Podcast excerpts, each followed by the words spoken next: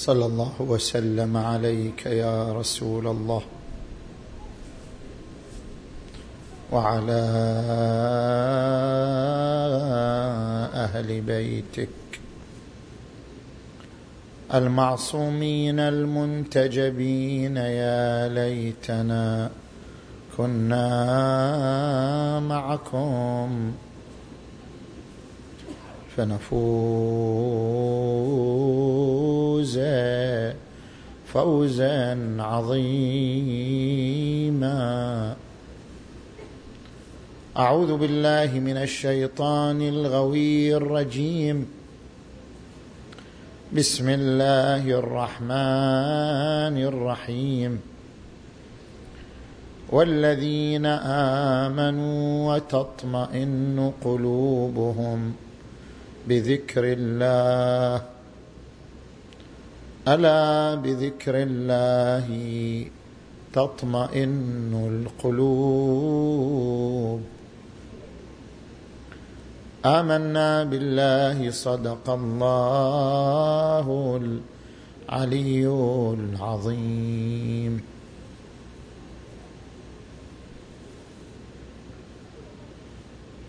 انطلاقا من الآية المباركة نتحدث في محورين. المحور الأول في العلاقة بين عالم الملك وعالم الملكوت. والمحور الثاني في مضامين العطاء الروحي ليوم عاشوراء. نأتي إلى المحور الأول. القرآن الكريم ذكر أن الموجودات تتألف من عنصرين عنصر ملكي وعنصر ملكوتي. فالعنصر الملكي هو الذي أشار إليه القرآن الكريم بقوله تبارك الذي بيده الملك وهو على كل شيء قدير. والعنصر الملكوتي هو الذي أشار إليه القرآن بقوله فسبحان الذي بيده ملكوت كل شيء وإليه ترجعون.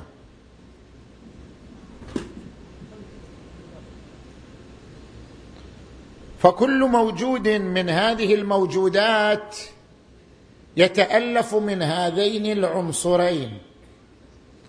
العنصر الملكي وهو عبارة عن الأبعاد المادية للوجود من طول وعرض وعمق.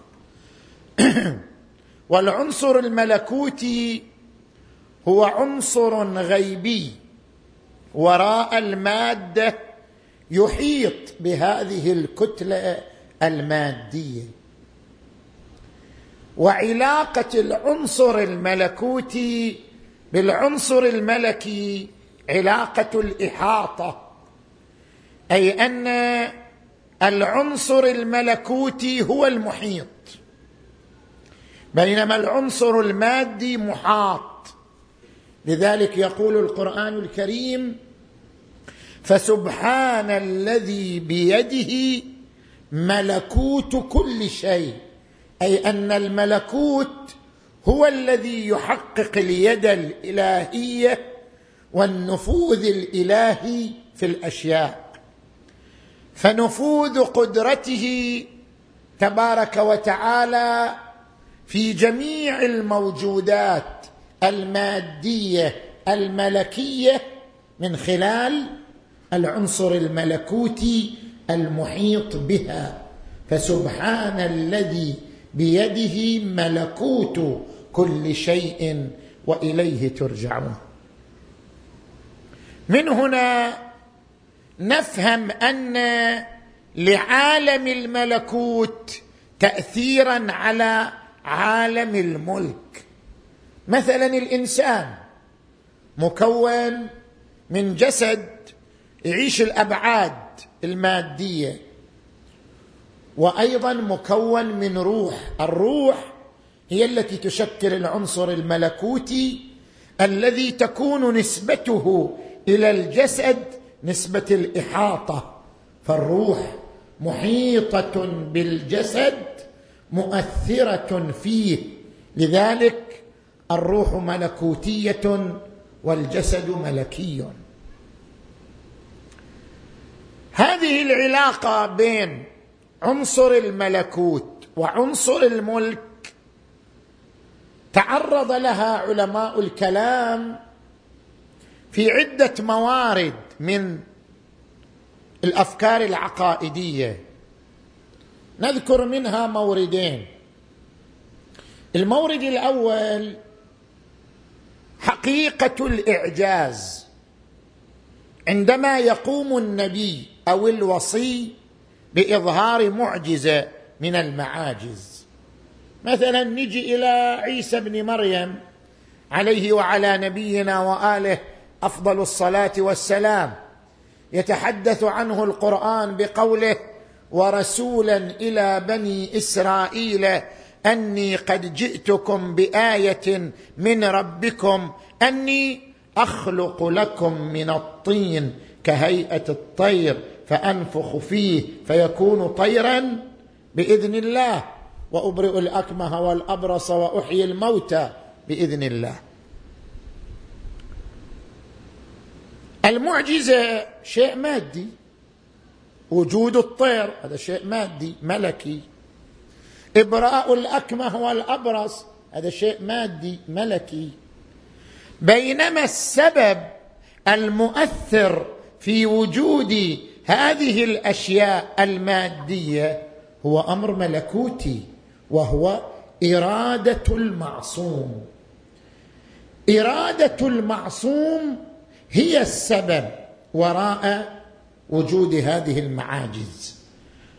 أي أن إرادة المعصوم إذا اتصلت بالله تبارك وتعالى فاتصال الإرادة بالله سبب ملكوتي يتحقق على إثره أشياء ملكية مادية مثل صنع الطير مثل إبراء الأكمة والأبرص.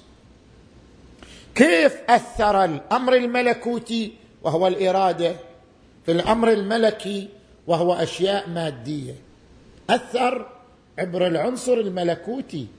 يعني هذه الأشياء التي نراها مادية مثل الطير مثل عافية الأكمة والأبرص هذه الأشياء التي نراها مادية في الواقع لها عنصر ملكوتي محيط بها ومن خلال عنصرها الملكوتي المحيط بها تؤثر فيها إرادة المعصوم نبيا كان أو اماما. حتى الحجر شوف الحجر هذا إلى عنصر ملكي إلى عنصر ملكوتي. القرآن الكريم يقول وإن من شيء إلا يسبح بحمده ولكن لا تفقهون تسبيحه هذا الحجر نحن لا نفقه منه إلا العنصر الملكي وهو المادة. لكن لا نفقه العنصر الملكوتي لهذا الحجر الذي عبر عنه القرآن بالتسبيح. نجي إلى الجبل القرآن يقول لو أنزلنا هذا القرآن على جبل لرأيته خاشعا متصدعا من خشية الله. كيف يتصدع الجبل من خشية الله وهو ماده جامده الجبل له عنصر ملكي هو الذي نراه لكن له عنصر ملكوتي محيط به ومن خلال ذلك العنصر الملكوتي يتأثر الجبل ويتصدع من خشية الله.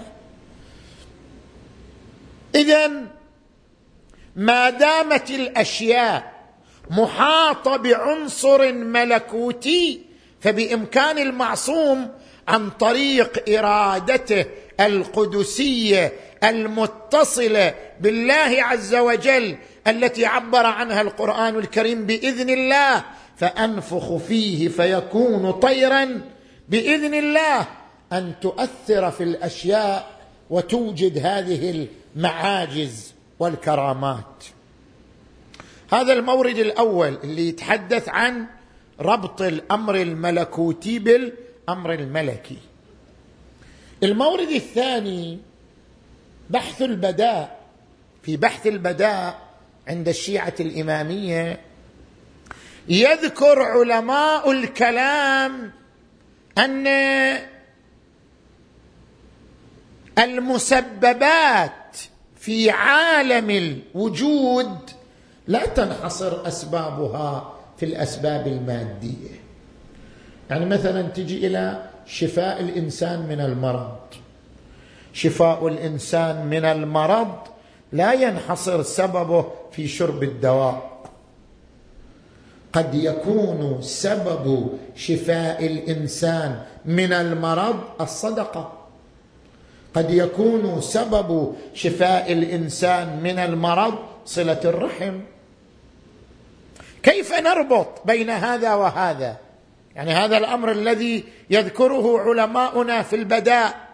يقولون شخص مأيوس من حياته تعطلت أجهزة بدنه شارف على الموت صار في حالة الاحتضار بمجرد أن يكون هناك عمل صالح من صدقة أو صلة رحم فإنه من الممكن أن يبدو خلاف ما نراه. نحن نرى أن هذا الشخص يموت. أجهزة بدنه تعطلت. هذا الرجل يحتضر. لكن قد يبدو لنا بعد ذلك خلاف ما نراه. نتيجة عمل صالح يقوم به كالصدقة أو صلة الرحم. ورد عن النبي صلى الله عليه وآله صلة الرحم تزكي الأعمال تنمي الأموال تعمر الديار تنسئ الآجال يعني تطيل العمر. شنو العلاقة بين صلة الرحم وبين شفاء هذا من مرضه؟ شنو العلاقة بين صلة الرحم وبين طول عمر هذا الإنسان؟ شنو العلاقة؟ العلاقة مبنية على تأثير عالم الملكوت في عالم الملك.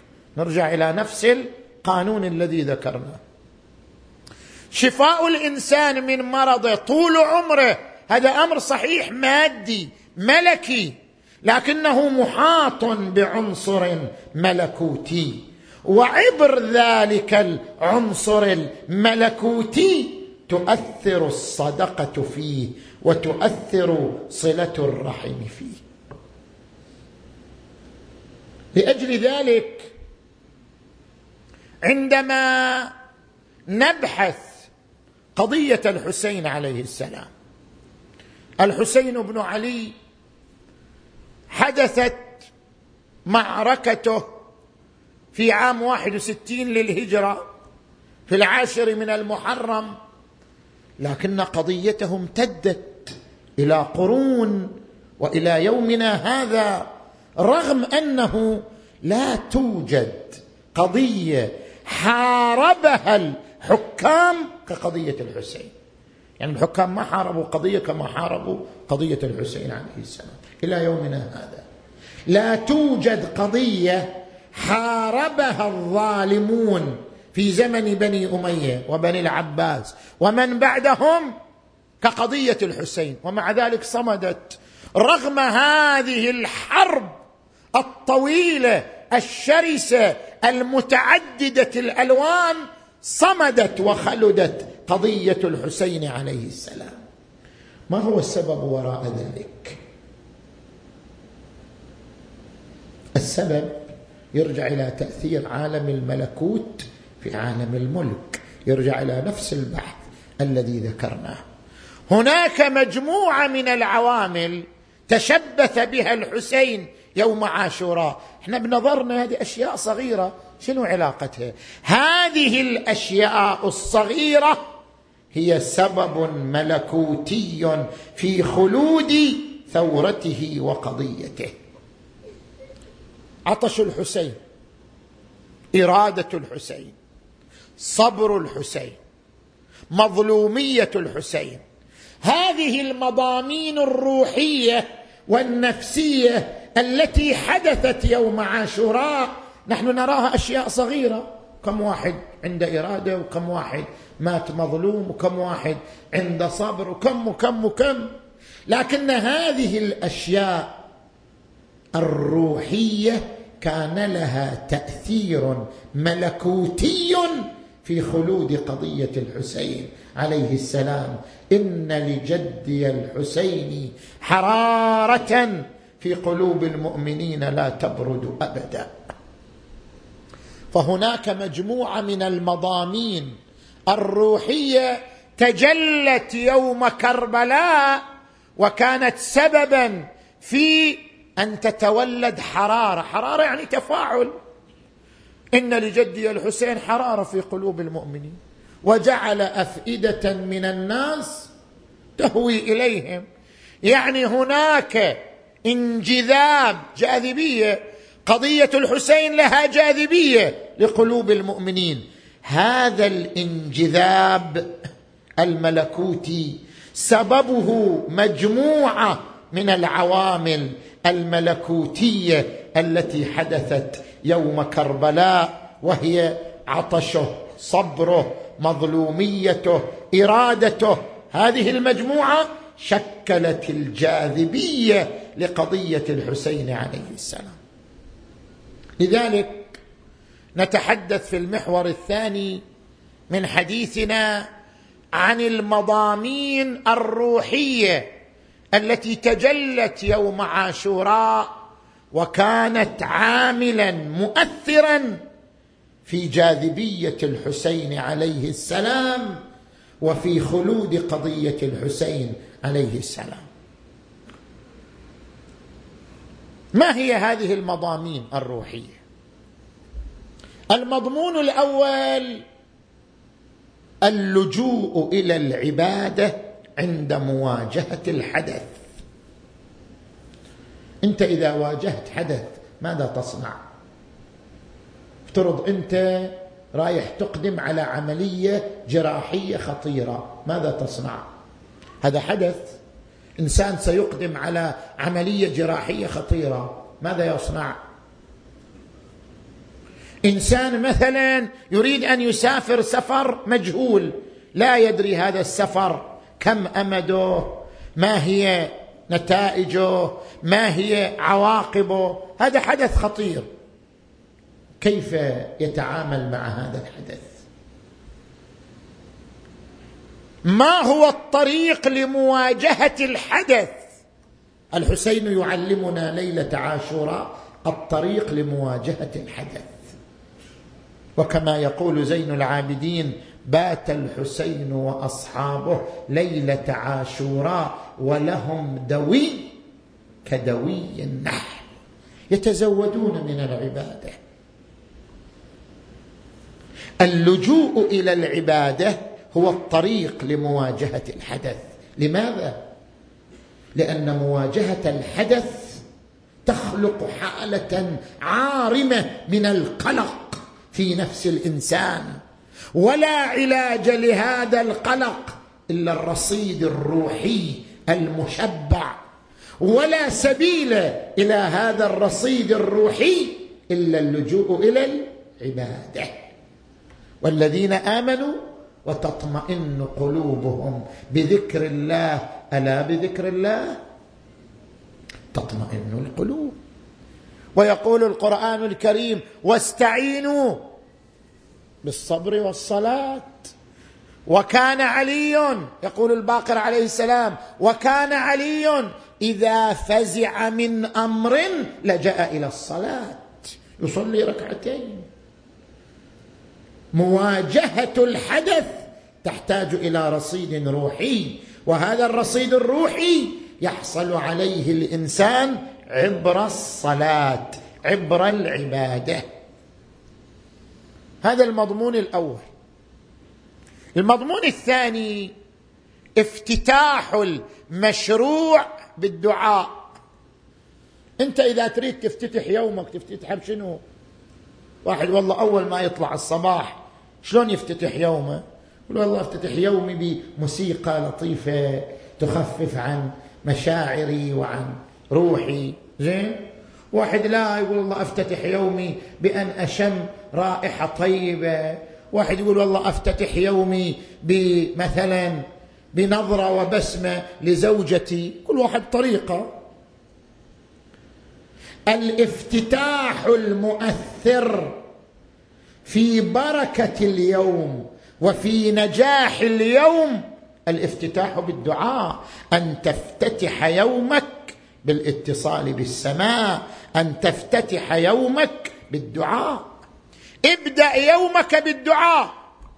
كل أمر لم يبدأ فيه بسم الله فهو أبتر كما ورد عن النبي صلى الله عليه وآله. افتتح يومك بالدعاء. الدعاء يكون منهلا للبركة والبعد عن الأذى والألم في هذا اليوم. افتتح مشاريعك التجارية الفكرية بالدعاء. الحسين افتتح يومه بالدعاء. جلس يوم عاشوراء تيمم ما في ماء تيمم هو وأصحابه صلوا صلاة الفجر وبعد صلاة الفجر وقف الحسين وقال اللهم أنت ثقتي في كل كرب ورجائي في كل شدة وأنت لي في كل أمر نزل بي ثقة وعدة كم من كرب يضعف منه الفؤاد وتقل فيه الحيلة ويخذل فيه الصديق ويشمت فيه العدو أنزلته بك وشكوته إليك عمن سواك ففرجته وكشفته فأنت ولي كل نعمة وصاحب كل حسنة ومنتهى كل رغبة. يعلمنا الحسين أن نفتتح مشاريعنا بالدعاء بالاتصال بالله تبارك وتعالى. قد يقول قائل نحن نقرأ قوله عز وجل إذ قال ربكم ادعوني أستجب لكم. وندعو ليل نهار وما نشوف استجابة. كل شيء ماكو. اذا أين هذا الوعد الإلهي؟ ادعوني أستجب لكم. ليس المقصود بالاستجابة أن تحقق مرادك. والله واحد يقول والله أنا أكو حرمة اتصلت بي قالت أني كل يوم أدعي على مرت ولدي أدعي عليها الصبح وما صار فيها شيء. كل ما أدعي عليها تزيد صحتها وتصير صحتها زينة وصير شلون الله ما يستجيب لي؟ زين. ليس المراد باستجابة الدعوة أن يتحقق مطلوبك لأن الإنسان قد يطلب ما هو شر له. وعسى أن تكرهوا شيئا. وهو خير لكم وعسى أن تحبوا شيئا وهو شر لكم. اذا ما هو المقصود بالاستجابة؟ المقصود بالاستجابة متى حصل الدعاء الحقيقي يعني المنقطع إلى الله ترتبت عليه إفاضة رحمة من الله. متى حصل؟ تترتب إفاضة رحمة. اقرأ هذا الحديث الشريف. عن الباقر عليه السلام. ما رفع أحد يده إلا استحيا الله أن يردها صفرا حتى يضع من فضله ورحمته فيها ما يشاء. فإذا رفع أحدكم يده بالدعاء فلا يردها حتى يمسح وجهه وصدره. أو حتى يمسح رأسه ووجهه. شو المقصود بهذا الحديث؟ المقصود بهذا الحديث هو تفسير للآية. ادعوني أستجب لكم. الاستجابة يعني إفاضة رحمة. أنت تدعو بشيء والله يفيض عليك رحمة من نوع آخر. يفيض عليك رحمة في بدنك رحمة في ثروتك رحمة في أهلك رحمة في علمك رحمة في رزقك. الدعاء الحقيقي يعني الذي يصحبه الانقطاع إلى الله عز وجل لا تنفصل عنه الاستجابة والاستجابة بإفاضة الرحمة على الإنسان. من هنا كان الدعاء مفتتحا لأي مشروع تريد الدخول فيه فإنه مبدأ للرحمة. المضمون الثالث. كثرة ذكر الله. لاحظ الحسين ما فتئ يوم العاشر عن ذكر الله. الحسين يوم العاشر قام بأعمال ضخمة.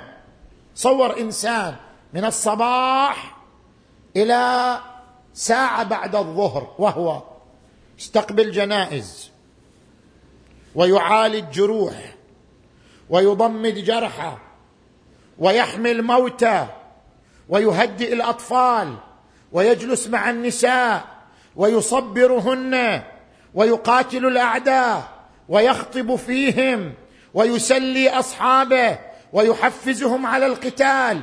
كل هذه الأعمال الضخمة التي تحتاج إلى طاقة من الإرادة وطاقة من الصبر وطاقة من التحمل النفسي خاضها الحسين عليه السلام يوم عاشوراء من الصباح إلى ما بعد الظهر. لكنه ما مرت عليه لحظة انفصل عن ذكر الله ابدا. طول الوقت ويكرر لا حول ولا قوة إلا بالله. إنا لله وإنا إليه راجعون. هون ما نزل بي أنه بعين الله. اللهم رضا بقضائه وتسليما لأمرك. ذكر الله. وعندما خطب في القوم بدأ بذكر الله وأصر على ذكر الله.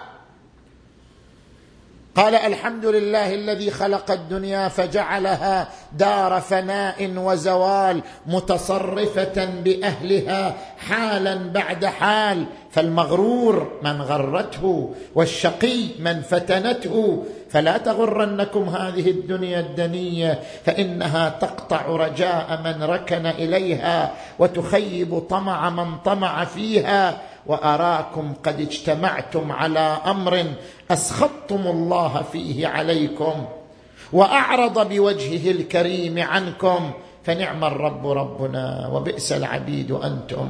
آمنتم بالله وأقررتم بالرسول ثم إنكم زحفتم على ذريته وعترته. تريدون قتلهم؟ لقد استحوذ عليكم الشيطان فأنساكم ذكر الله. فأنساكم ذكر الله العظيم. فتبا لكم ولما تريدون. إنا لله وإنا إليه راجعون. هؤلاء قوم كفروا بعد إيمانهم فبعدا للقوم الظالمين. ذكر الله أصر عليه الحسين. والإكثار من ذكر الله ليعلمنا ضرورة الكثرة من ذكر الله. الإنسان يحتاج إلى ذكر الله حاجة فطرية حاجة ذاتية. ما يحتاج القرآن ولا الأحاديث تقول لك. أنت تحتاج إلى ذكر الله حاجة فطرية. من خلال أمرين. الامر الأول ما يذكره علماء النفس أن الإنسان يحتاج إلى الأمن النفسي. من الحاجات الأساسية الفطرية لدى الإنسان حاجته إلى الأمن النفسي. لا يمكن أن يبدع ويعطي وينتج حتى يشعر بالأمن النفسي. والأمن النفسي كيف يحصل عليه الإنسان؟ يحصل عليه بالانتماء. علماء النفس يقولون الانتماء يحقق الأمن. مثلا الانتماء إلى العشيرة يعطيك شعور بالأمن. الانتماء إلى المؤسسة والله أنا موظف في مؤسسة توفر لي راتب مستمر. هذا يعطيك شعور بالأمن. الانتماء إلى العشيرة والقبيلة يعطيك شعور بالأمن. الانتماء إلى المؤسسة يعطيك شعور بالأمن. الانتماء إلى مجتمع يحترمك يقدرك يعطيك شعور بالأمن. الانتماء هو الطريق لتحقيق الأمن النفسي. زين؟ هنا هذا الذي يذكره علماء النفس نحن نأخذه نقتنصه نقول إذا كان الانتماء طريقا لتحقيق الأمن فالانتماء إلى أعظم قوة وأعظم مصدر للعطاء وأعظم مصدر للمدد. ألا وهو الله عز وجل؟ سوف يعطيك أكبر رصيد من الأمن النفسي والأمن الروحي. انتمي إلى الله ستشعر بهذا الرصيد أكثر. الانتماء إلى الله. والانتماء إلى الله ما هو الطريق إليه؟ كثرة ذكر الله. والذين آمنوا وتطمئن قلوبهم بذكر الله. ألا بذكر الله تطمئن القلوب. وهناك حاجة. هذه حاجة فطرية حاجة إلى الأمن. وهناك حاجة أخرى. وهي حاجة الإنسان لاستمطار المدد. الإنسان في كل وقت يشعر بالضعف. يحتاج إلى أن يستمد القوة. كل وقت يشعر بالنقص يحتاج إلى أن يستمد الكمال. استمطار المدد من القوة والحيوية والكمال. ما هو الطريق إليه؟ ذكر الله. اذكروني. أذكركم. انت مو تريد تستمد مني؟ ألا تريد أن تستمد مني الطاقة والحيوية والنشاط؟ اذكرني. اذكروني أذكركم واشكروا لي ولا تكفرون. ذكر الله منشأ للشعور بأن هناك مددا وعناية وإحاطة تمنحني الدفء تمنحني الحيوية تمنحني النشاط. من هنا يحتاج الإنسان إلى كثرة ذكر الله تبارك وتعالى. شوف حتى الصلاة. في القرآن دقيق في التعبير. وأقم الصلاة لذكري. يعني الصلاة فقط وسيلة. صحيح هي الصلاة واجبة لكنها وسيلة وليست هي الهدف. الصوم واجب لكنه وسيلة. كتب عليكم الصيام كما كتب على الذين من قبلكم لعلكم تتقون. الهدف من الصلاة والصوم ذكر الله. أقم الصلاة لذكري. بمعنى أن الهدف من هذه العبادات والطقوس كلها أن يكون الله حاضرا في قلبك حاضرا في وجدانك. فإن حضوره في وجدانك يعطيك الشعور بالأمن ويعطيك الشعور بالإستمداد استمداد القوة والنشاط.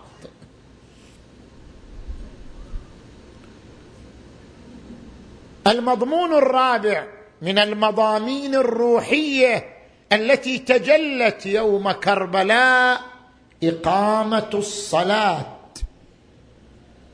كلكم سمعتم من الخطباء أقبل سعيد الحنفي إلى الحسين. وقال يا أبا عبد الله لقد حان وقت صلاة الظهر ولا أريد أن أخرج من الدنيا إلا وقد صليت معك هذه الصلاة. قال صدقت هذا أول وقتها. صلى الحسين صلاة الخوف. صلى الحسين صلاة الخوف يعني ركعتين وكانت السهام تترى عليه. هذا درس درس روحي. هذا الدرس تكرر من أبيه أمير المؤمنين يوم صفين. الإمام علي يوم صفين والحرب مستعرة على قدم وساق نزل من على فرسه وقف يصلي. قالوا يا أبا الحسن مو صحيح هذا. أنت قائد الحرب وقاعد تصلي والحرب قائمة. أبا الحسن أهذا وقت صلاة؟ قال على ما نقاتلهم. إنما نقاتلهم لأجل الصلاة. الصلاة. أراد أن يعطينا درسا في أهمية المحافظة على الصلاة. وحافظوا على الصلوات والصلاة الوسطى. الصلاه الوسطى صلاة الظهر. في الكافي عن الإمام الباقر عليه السلام هذه الرواية الصحيحة. الصلاة الوسطى هي صلاة الظهر وهي أول صلاة صلاها رسول الله صلى الله عليه وآله وهي وسط صلاتين صلاة بالغداة وصلاة بالعصر. صلاة الظهر هي وقت الزحمة وقت العمل وقت الوظيفة وقت الشغل. فعادة الإنسان يأخرها. هذا خلاف المحافظه وحافظوا على الصلوات والصلاة الوسطى. لأنها في وقت الزحمة في وقت الربكة. نحن نقرأ في زيارة الحسين عليه السلام أشهد أنك قد أقمت الصلاة. طيب كل الناس تصلي؟ كل مؤمن يصرخ مو بس الحسين.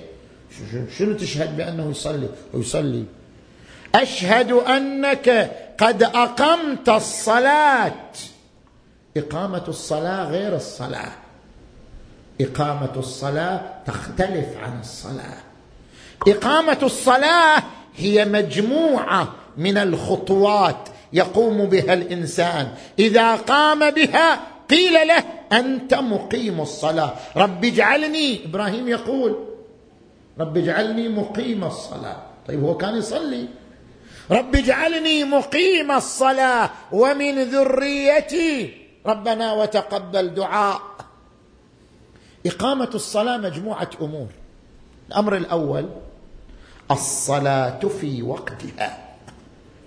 صل الظهر في أول وقتها. فجر في اولها المغرب في اوله الصلاة في أول وقتها هذه أول خطوة من خطوات إقامة الصلاة.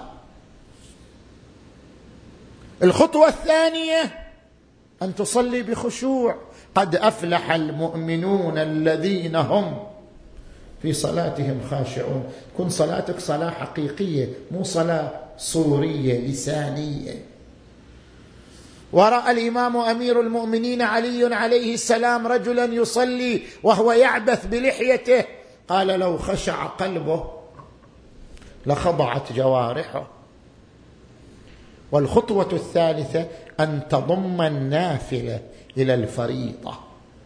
فقد ورد عن الإمام الصادق عليه السلام إنما شرعت النافلة ليكمل بها ما نقص من الفريضة. نافلة تتمم الفريضه والخطوة الرابعة تفعيل أهداف الصلاة. الصلاه لها أهداف. القرآن الكريم يقول إن الصلاة تنهى. الصلاه لها هدف إن الصلاة تنهى.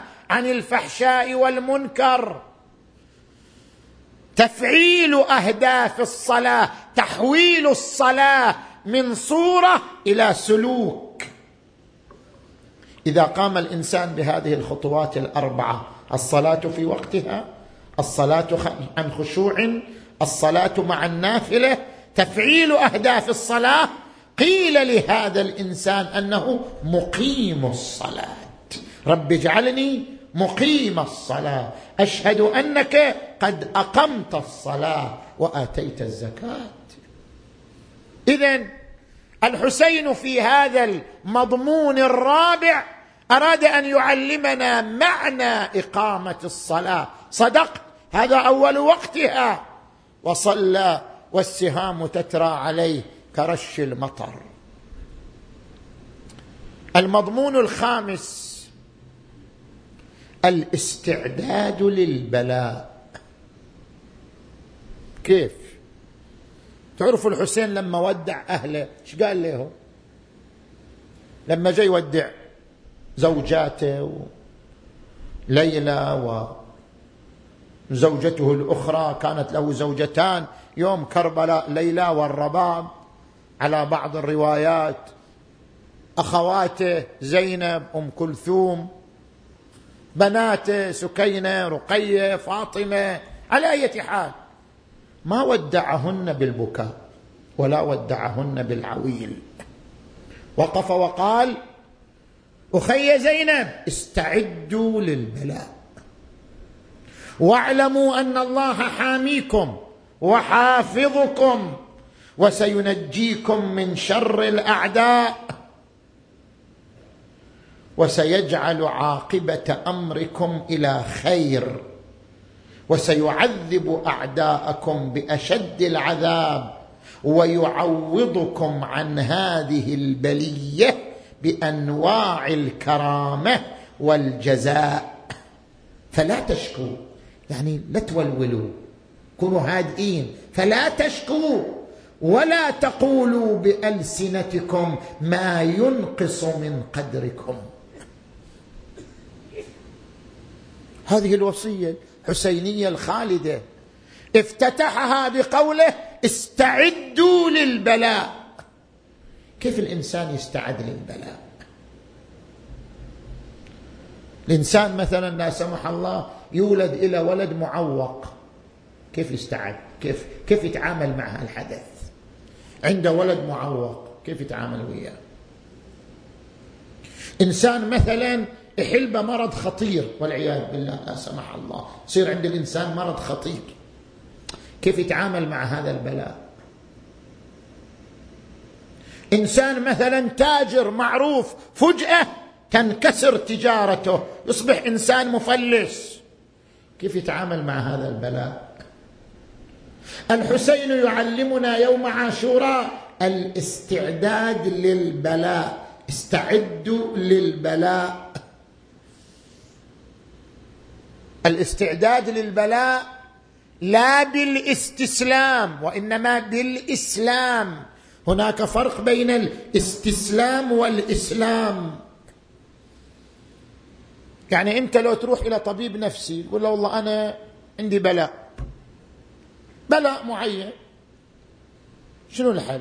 يقول لك خوب لازم تتقبل. ان هذا أمر ما تقدر تغيره كنت تتقبله. كنت تتعامل وياه بواقعية. طيب أنا صح ما أقدر أغيره. بس هذه الكلمة أنا لا أقدر على التغيير هذا يسمى شنو؟ استسلام. أنا أريد شيء آخر. يخفف معاناتي يخفف آلامي. اذا أنت تحتاج إلى درجة الإسلام. فوق درجة الاستسلام.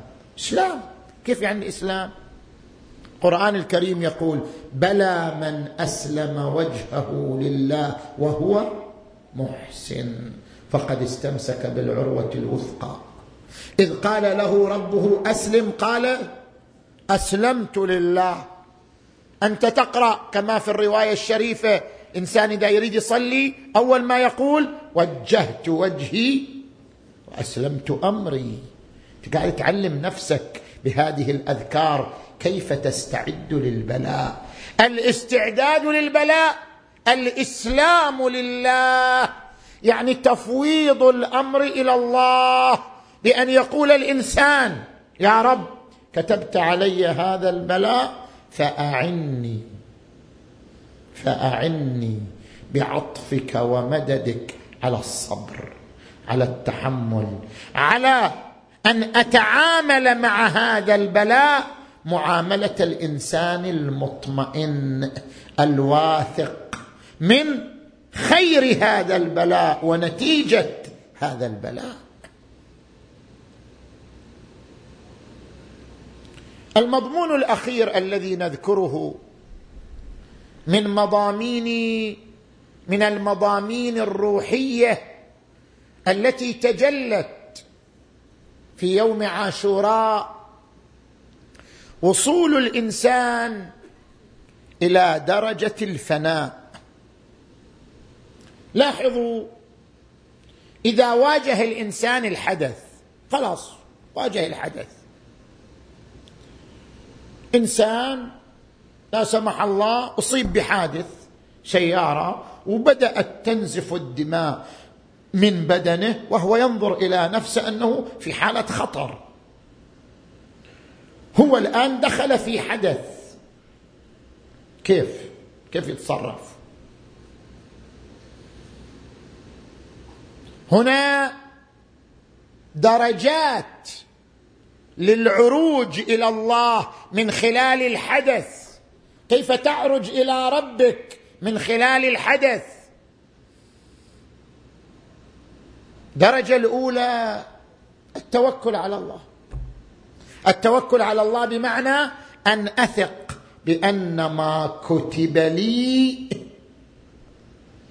لا يضيع وهو بعين الله. أن أثق بأن الله لم يكتب لي إلا ما هو صلاح لي.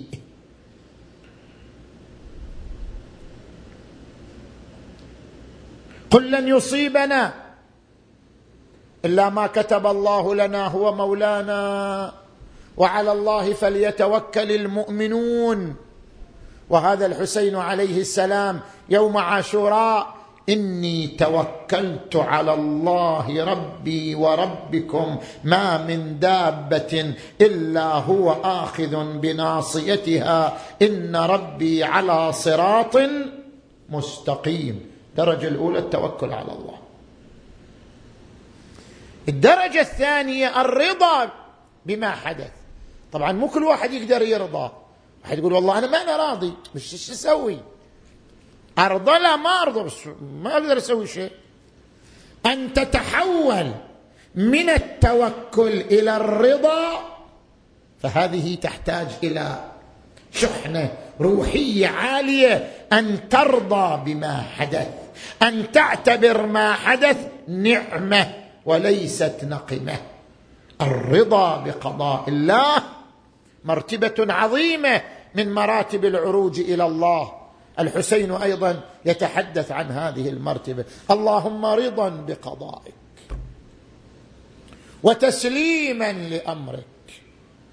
ويقول في يوم مكة عندما خرج رضا الله رضانا. أهل البيت نصبر على بلائه ويوفينا أجور الصابرين. راضي أنا راضي. وسرت هذه المعنوية حتى لأصحاب الحسين. شوف برير برير وهم بادئين.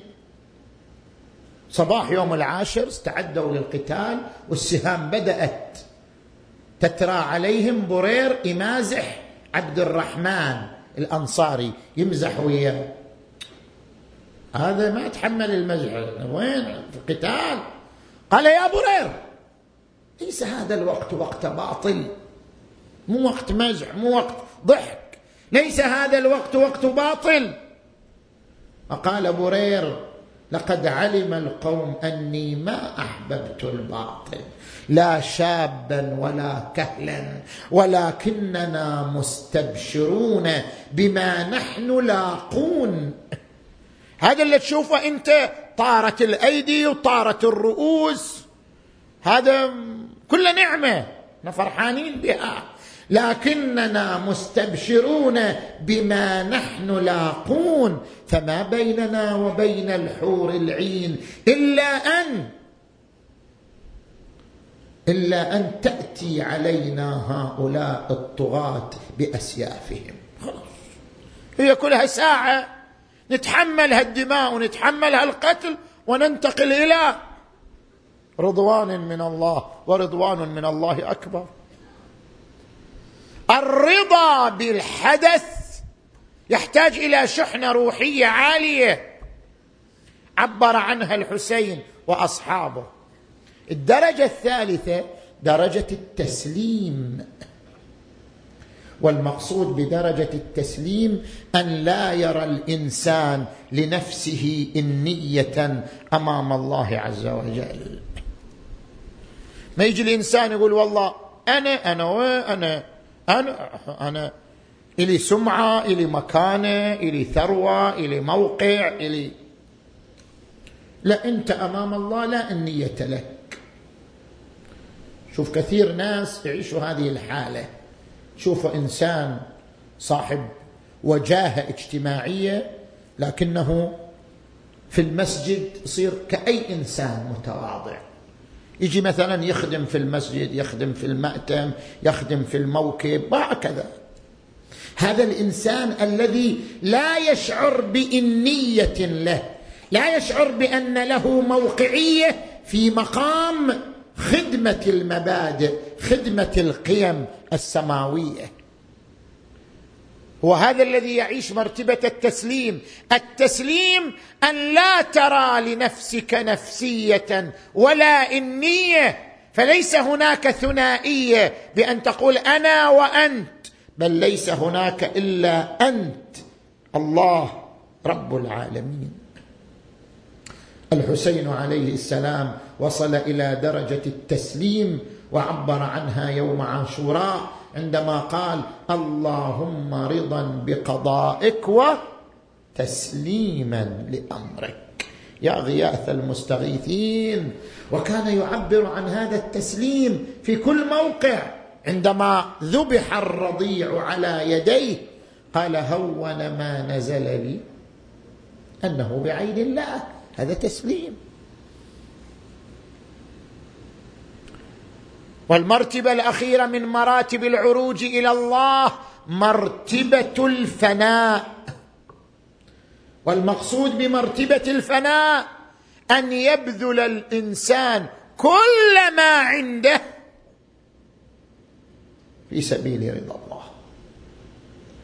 يعني أنا مو أنتظر الحدث يجيني وبعدين أرضى به. لا لا أنا أنا أنا أبادر مو أنتظر. أنا أبادر. المبادرة بالبذل والعطاء عطاء كل شيء عندي في سبيل الله. هذا هو المحقق لمرتبة الفناء كل ما عندي لله. وهذه مرتبة الفناء تجلت يوم عاشوراء بصور حية بصور عظيمة. العباس بن علي عندما نزل إلى الماء وهو فارس قد اشتد به العطش ويحتاج إلى قليل من الماء كي يستمد القوة ويستعيد النشاط ويواجه القتال. لكنه تذكر ان أنه ما خلق لأجل نفسه وإنما خلق لأجل الدين. ما خلقت لأجل نفسي كي أحوم حول نفسي. خلقت لأجل الدين والدين يتمثل في الحسين بن علي. قال يا نفس من بعد الحسين هوني.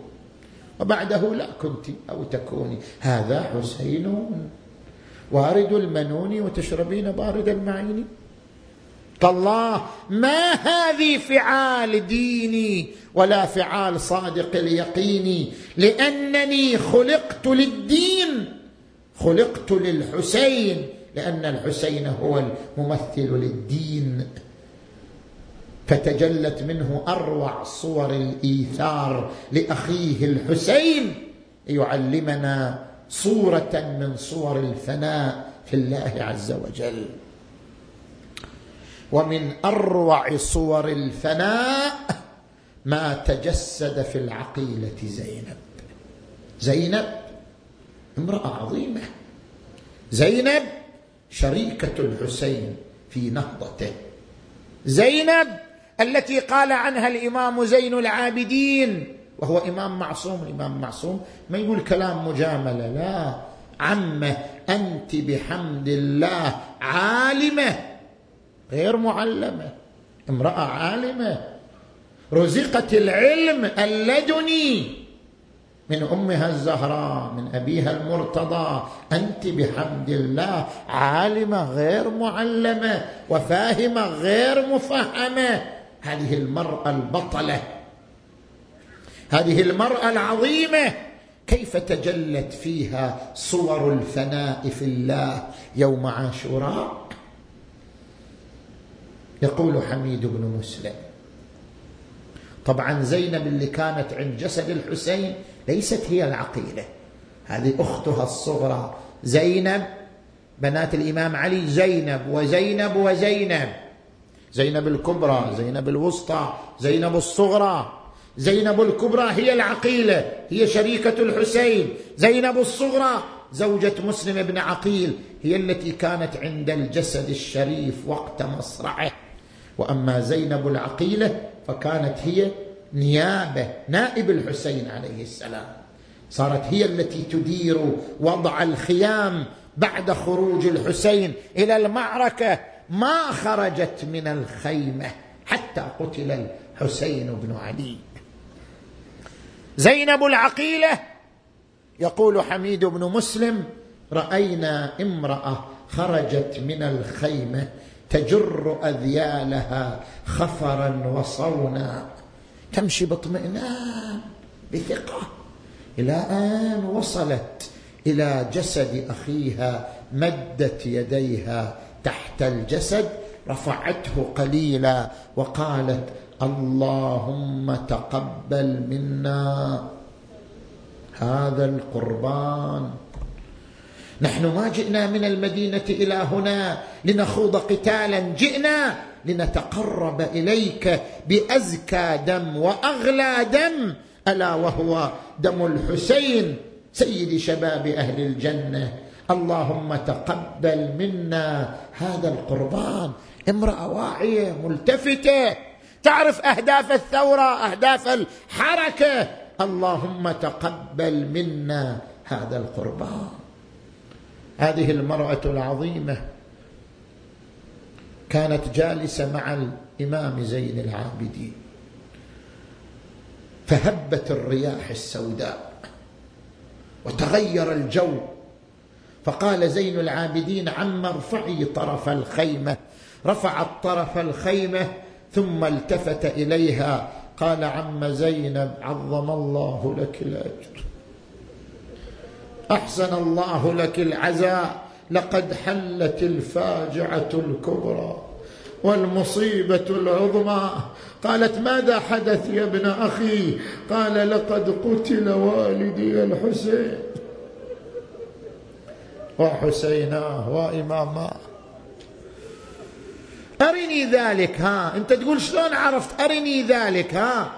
قام أخذ بيدها أراها. فإذا بها ترى رأس الحسين يتلوى على رأس رمح طويل. هذا رأس والدي الحسين هذا هو الخبر. عظم الله لك الأجر أحسن الله لك العزاء. ماذا تصنع العقيله خرجت معها العقائل معها النساء. اقبلنا إلى ذلك الجسد الشريف. يقول حج هاشم الكعبي فواحده تحنو عليه تضمه. وأخرى تفاديه وأخرى تقبل وأخرى بفائض النحر تصبغ شعرها وأخرى عليه بالرداء تظلله أما زينب فإنها وقفت ونادت يا ابن سعد أما فيكم مسلم؟ يجهز هذا الجسد العريان. قال يا ابنة علي أبعد الأطفال حتى نقوم بتجهيزه صارت كلما رفعت يتيمة سقطت أخرى وكلما أبعدت طفل ارتمت أخرى إلى أن أبعدتهم جميعا عن جسده بينما هي واقفة تنتظر تجهيز أخيها الحسين. وإذا بالمنادي ينادي يا خيل الله اركبي وبالجنة أبشري وطئي صدر الحسين. فأتت خيول عشر منعله بالحديد داست على صدره. فتكسرت عظامه وتطايرت أضلاعه لما رأت ذلك العقيلة زينب. الله يساعدها. توجهت نحو المدينة نادت جد يا رسول الله هذا هذا حسينك بالعراء. محزوز الرأس من القفا مسلوب العمامة والردى بأبي الظمآن حتى مضى بأبي العطشان حتى قضى. لسان الحال. يا جدي يا جدي مات محد وقف دونه. دون ولا نغار غمض له. عيونه يعالج بالشمس من خطف لونه. إيه والله يعالج بالشمس من خطيف من خطيف لونه. ولا واحد بحلقة ما يقطر. جمعت اليتامى والأطفال أرجعتهم إلى الخيام. باتت في حراسة ذلك المخيم. وكفالة الأيتام والأطفال. ما إن دخل الليل ليلة الحادي عشر من المخيم. إلا وأقبل الظالمون بقصب النيران. رموا بها على الخيام فاشتعلت بها النار. صار الأطفال الأطفال يهربون واحدا بعد آخر. يقول حميد بن مسلم رأيت امرأة واقفة على باب الخيمة والنار تستعر في ثيابها. قلت يا أمة الله أما تخافي على نفسك؟ اهربي مع النساء. قالت يا هذا أما تدري أن في الخيمة عليلا مريض؟ أنا مسؤولة عن حفظه وتمريضه. من أنت؟ أنا زينب ابنة علي. وامسى المساوي النار. ما بقت لنا خيام صوان ما ظل تلتجي بظلها الايتام أقبل علينا الليل وازدادت الوحشايه ما أشوف غير أيتام تتصارخ بدهشايه وشيخ العشيرة حسين ما حد شال نعشايا مطروح وبجنبه علي الأكبار وجسايا. ويلي أنا بقيت محيرة واصفج باليدين باليدين أنا لا عباس يبرالي. اللهم تقبل أعمالنا.